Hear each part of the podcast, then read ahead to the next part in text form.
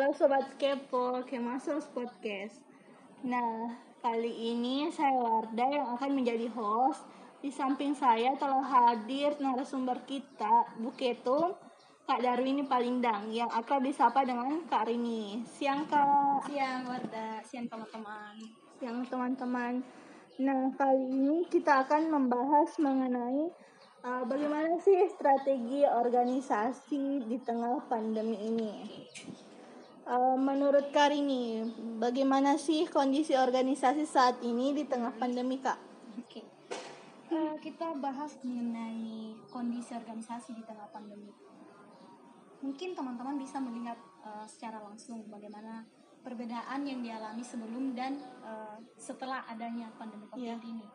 Di memang uh, COVID-19 ini sangat uh, berdampak pada semua elemen uh, masyarakat ya termasuk kita mahasiswa yeah. uh, di organisasi kemahasiswaan sendiri berbicara mengenai uh, bagaimana kondisinya ya kondisinya sedang tidak baik-baik saja kalau menurut saya pribadi karena kita melihat bahwa memang kondisi pandemi ini adalah pertama kalinya hal yang pertama kali uh, kita rasakan. Misalnya sebelumnya kita belum pernah merasakan kondisi seperti ini.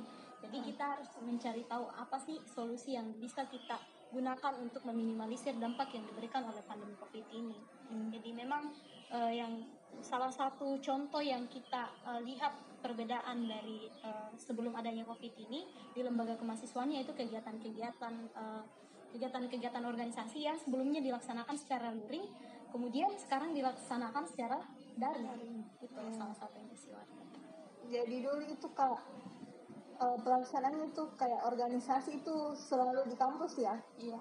Hmm. Iya, jadi saya jelaskan karena warga uh, juga mahasiswa baru. baru. Hmm. Jadi uh, sedikit juga penjelasan bahwa memang ya sebagai mahasiswa itu kita memang tugasnya di kampus ya mahasiswa lah bahas mengenai mahasiswa kan kalau siswa di sekolah mahasiswa ya, di kampus. kampus nah pertanyaannya juga ini adalah salah satu masalah yang saya lihat teman teman-teman mahasiswa baru yang seharusnya merasakan bagaimana uh, suka duka bagaimana romantika uh, di kampus hmm, tidak uh, tidak tidak tidak dialami sama teman-teman karena adanya pembatasan-pembatasan seperti ini adanya iya. kebijakan-kebijakan yang uh, diberikan oleh pemerintah untuk meminimalisir penyebaran COVID ini mungkin kemarin Warda sudah berekspektasi uh, untuk masuk di kampus teman-teman mahasiswa baru akan berinteraksi dengan kakak-kakak senior belajar yeah. di uh, kelas tapi uh. nyatanya sekarang ya melalui melalui, HP, melalui perantara. Iya, iya, itu iya. adalah salah satu dampak yang jalan sama teman-teman di uh, perkuliahan uh. terkhusus untuk teman-teman mahasiswa baru. Ya. Nah, makanya salah satu urgensinya juga organisasi kemahasiswaan Warga sampai saat ini saat ini iya. ada di sini bercerita dengan saya guys. di kampus uh, bisa bertukar pikiran dengan teman-teman di kampus karena mm -hmm Warda masuk di organisasi. Ya, betul sekali itu Kak. Nah, apa lagi? Nah, terus uh, bagaimana kontribusi anggota organisasi hmm. selama pandemi? Oke. Okay. Uh, eh, kontribusi or, kontribusi anggota Kemasos atau organisasi secara keseluruhan. Hmm. Nah, uh, saya sebagai fungsionaris lembaga uh, melihat secara pribadi memang sebelum dan setelah adanya COVID ini kontribusi juga kontribusi dari anggota memang kurang ya. kurang secara uh, langsung untuk datang dan melaksanakan kegiatan-kegiatan di kampus seperti tupoksi atau tugas dan fungsinya teman-teman apalagi kalau bahas mengenai uh, badan pengurus selaku uh, badan eksekutif yang ada di uh, organisasi sebagai orang yang mengeksekusi program-program kerja. Hmm itu yang menjadi masalah dan mencari teman-teman selalu mencari solusi alternatif-alternatif lain untuk tetap menjalankan eh, kegiatan-kegiatan uh, ini sehingga teman-teman anggota juga tetap ikut berkontribusi dalam kegiatan-kegiatan tersebut. Uh, mungkin juga warga juga uh, sudah melihat bagaimana uh, selama yeah, yeah. beberapa bulan ini setelah menjadi anggota yeah. melihat bagaimana kontribusi teman-teman. Ya, sekarang teman-teman bisa berkontribusi dari rumah. Yang kemarin-kemarin yeah. mungkin ya teman-teman itu dianggap berkontribusi ketika teman-teman hadir, Hadir di secara kampus, langsung di ya. kampus. Tapi ya lagi-lagi kita menyesuaikan dengan em, kondisi sekarang Mm-mm. juga memanfaatkan tek- te- memanfaatkan teknologi yang Teknologi. sekarang Ya, ya, ya. ya dengan eh, dengan itu teman-teman bisa berkontribusi langsung tanpa eh, datang secara langsung di kampus gitu sih Wardah. Ah, iya kak. Terus eh, apa saja kendala yang dialami organisasi pada pandemi ini? Oke. Membahas mengenai kendala, tentunya salah satunya adalah kita tahu bahwa ini adalah proses transisi Ya. sebelum dan setelah adanya COVID. Apalagi membahas khusus mengenai eh, bagaimana organisasi kemahasiswaan terus menjalankan roda-roda organisasinya, roda-roda kepengurusannya Hmm. di tengah eh, pandemi COVID ini yang memang banyak tantangan. Mm-mm. Dan sebelumnya mungkin kita kebingungan, bahkan saya sendiri sebagai fungsionaris lembaga sempat kebingungan untuk eh, menjalankan eh, roda-roda kepengurusan di tengah di tengah di tengah COVID-19 ini. Hmm. Seperti apa yang harus kita eh, lakukan untuk tetap menjalankan atau menyeksiskan lembaga kita di tengah hambatan-hambatan yang ada yaitu COVID-19 ini. Nah, salah satunya itu eh, bagaimana kita memanfaatkan lagi-lagi teknologi yang ada sekarang ya itu adalah eh, apa sih membuat kita untuk dituntut mencari eh, solusi dan lebih kreatif ke depannya jadi corona ini memang memberikan dampak negatif untuk semua eh, masyarakat Iya. khususnya juga di teman-teman mahasiswa tapi juga menuntut kita untuk mencari solusi-solusi dan lebih berpikir kreatif untuk tetap menjalankan eh, kegiatan-kegiatan kita Hmm. Ah, terus kayak teknologi itu teknologi itu digunakan kayak misalnya pada saat organisasi itu kayak waktu rapat begitu ya Kak?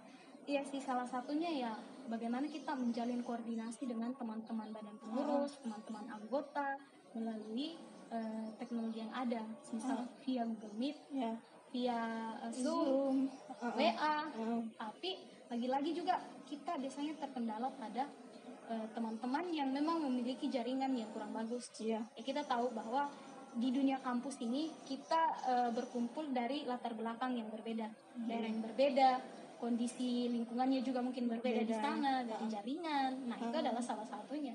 Bukan eh, cuman di kegiatan-kegiatan organisasi, tapi juga mungkin berdampak pada akademiknya mereka Iya. dalam hal itu. Itu adalah salah satu tantangan untuk eh, apa kegiatan-kegiatan organisasi kita dalam memanfaatkan teknologi. Itu sih. Nah, terus Kak, eh, bagaimana upaya untuk mengatasi kendala tersebut? Ya. Berbicara mengenai upaya, ya kan lagi-lagi kalau berbicara mengenai jaringan, berbicara mengenai teknologi, yang kemarin mungkin kita tidak tidak eh, kemarin kita acuh terhadap teknologi. Sekarang kita memang dituntut untuk harus mengerti mengenai teknologi, Teknologi ya.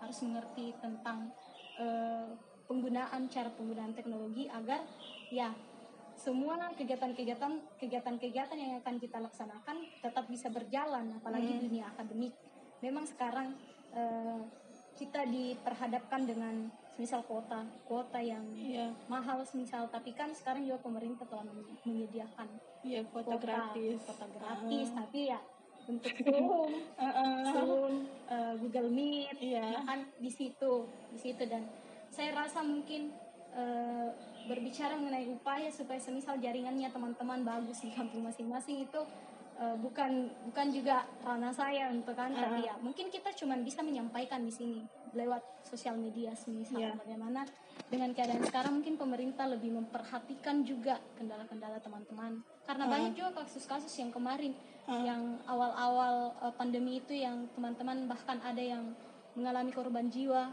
Hmm. karena kurang kurang bagusnya jaringan mereka Iya. naik di gedung Di jatuh gedung. dan sebagainya itu kan ya. uh, salah satu mungkin evaluasi ke depannya bagaimana uh, birokrasi memperbaiki hmm, ya itu kendala-kendalanya itu sih Iya. Nah, Kak, eh, bagaimana strategi yang diterapkan agar usaha untuk mencapai tujuan organisasi itu sendiri? Ya, kalau strategi yang kita eh, laksanakan sejauh ini ya Mm-mm. di badan pengurus sendiri, memang kita melihat dan menganalisis bagaimana bagaimana kondisi saat ini. Hmm. Tidak mungkin juga teman-teman e, melaksanakan kegiatan yang jelas-jelas kita sudah lihat ya mungkin ini e, sudah ada batasannya. Jadi Ya. tidak mungkin lagi kita sesuaikan atau kita laksanakan kegiatan kemarin e, sama seperti sekarang dengan kondisi yang berbeda. Hmm. Nah, itu yang menjadi eh, salah satu juga kemarin harus cari alternatif lain ini karena berbeda nih keadaannya sekarang. Iya. Nah, eh, salah satunya tadi itu eh, bagaimana kita tetap eh, memanfaatkan teknologi-teknologi yang ada sekarang ini bahkan mengembangkan ya Iya. lagi-lagi eh, Wardah kita berbicara mengenai kemarin yang saya teman-teman bahkan mungkin Wardah juga yang belum memahami tentang bagaimana penggunaan teknologi Iya. memanfaatkan teknologi dengan baik. Nah kita sekarang bahkan yang kita laksanakan sekarang lakukan sekarang kegiatan yang eh, teman-teman nonton sekarang atau dengar sekarang adalah bagaimana cara untuk memanfaatkan teknologi yang berkembang sekarang. Nah teman-teman tidak eh, langsung datang untuk di kampus mendengar kegiatan yang kita laksanakan atau melihat kegiatan yang kita laksanakan tapi teman-teman bisa memanfaatkan teknologi yang ada sekarang Hmm. nah mungkin itu yang bisa kita eh, terapkan ke depannya bahkan lebih dikembangkan dan saya rasa eh, ini memang adalah awal untuk eh, memulai kehidupan baru memulai eh, memulai strategi-strategi baru untuk organisasi yang lebih baik ke depannya dengan memanfaatkan teknologi, yang Teknologi, ada. ya. Heeh. Gitu, Wardah. Baik, Kak. Nah, jadi itulah tadi teman-teman pembahasan dari Kak Rini mengenai strategi organisasi di tengah pandemi. Intinya itu kita harus berorganisasi di tengah pandemi, jangan sampai putus ya Kak, begitu. Ya. Jangan sampai roda-roda organisasi itu berhenti. Intinya kita dibatasi dengan keadaan sekarang, Uh-uh. tapi jangan sampai juga kegiatan-kegiatan berorganisasi di lembaga kemahasiswaan itu terbatasi. Mm-mm. Ya, Ya. kita dibatasi tapi harus mencari solusi-solusi yang Ya. lebih baik untuk tetap mempertahankan roda-roda Roda kepengurusan, Ya. roda-roda organisasi. Ya. Lagi-lagi ada eh, regenerasi yang harus tetap dijalankan di Mm-mm. eh, lembaga-lembaga kemahasiswaan. Ya, saya harap sih eh, teman-teman selanjutnya yang akan menjadi eh, badan pengurus atau fungsionaris lembaga di apa di lembaga kemahasiswaan menjadikan referensi-referensi yang sekarang mungkin teman-teman sudah laksanakan bahkan mengembangkan referensi-referensi yang teman-teman juga telah eh, terapkan di kepengurusan tahun ini. Jadi ya mau tidak mau kita dibatasi tapi kita tetap harus berpikir Iya. eh, untuk hal-hal yang lebih baik ke depannya. Mm-mm. Apa sih yang bisa dilaksanakan untuk tetap meminimalisir hal-hal atau dampak-dampak yang diberikan oleh pandemi ini untuk eh, tetap menyeksiskan lembaga kemahasiswaan kita. Ya. Ya, itulah tadi podcast hari ini. Mungkin cukup sekian teman-teman. Sampai jumpa. Dah. Kasih Wardah. Makasih juga Makasih, Kak. Makasih teman-teman.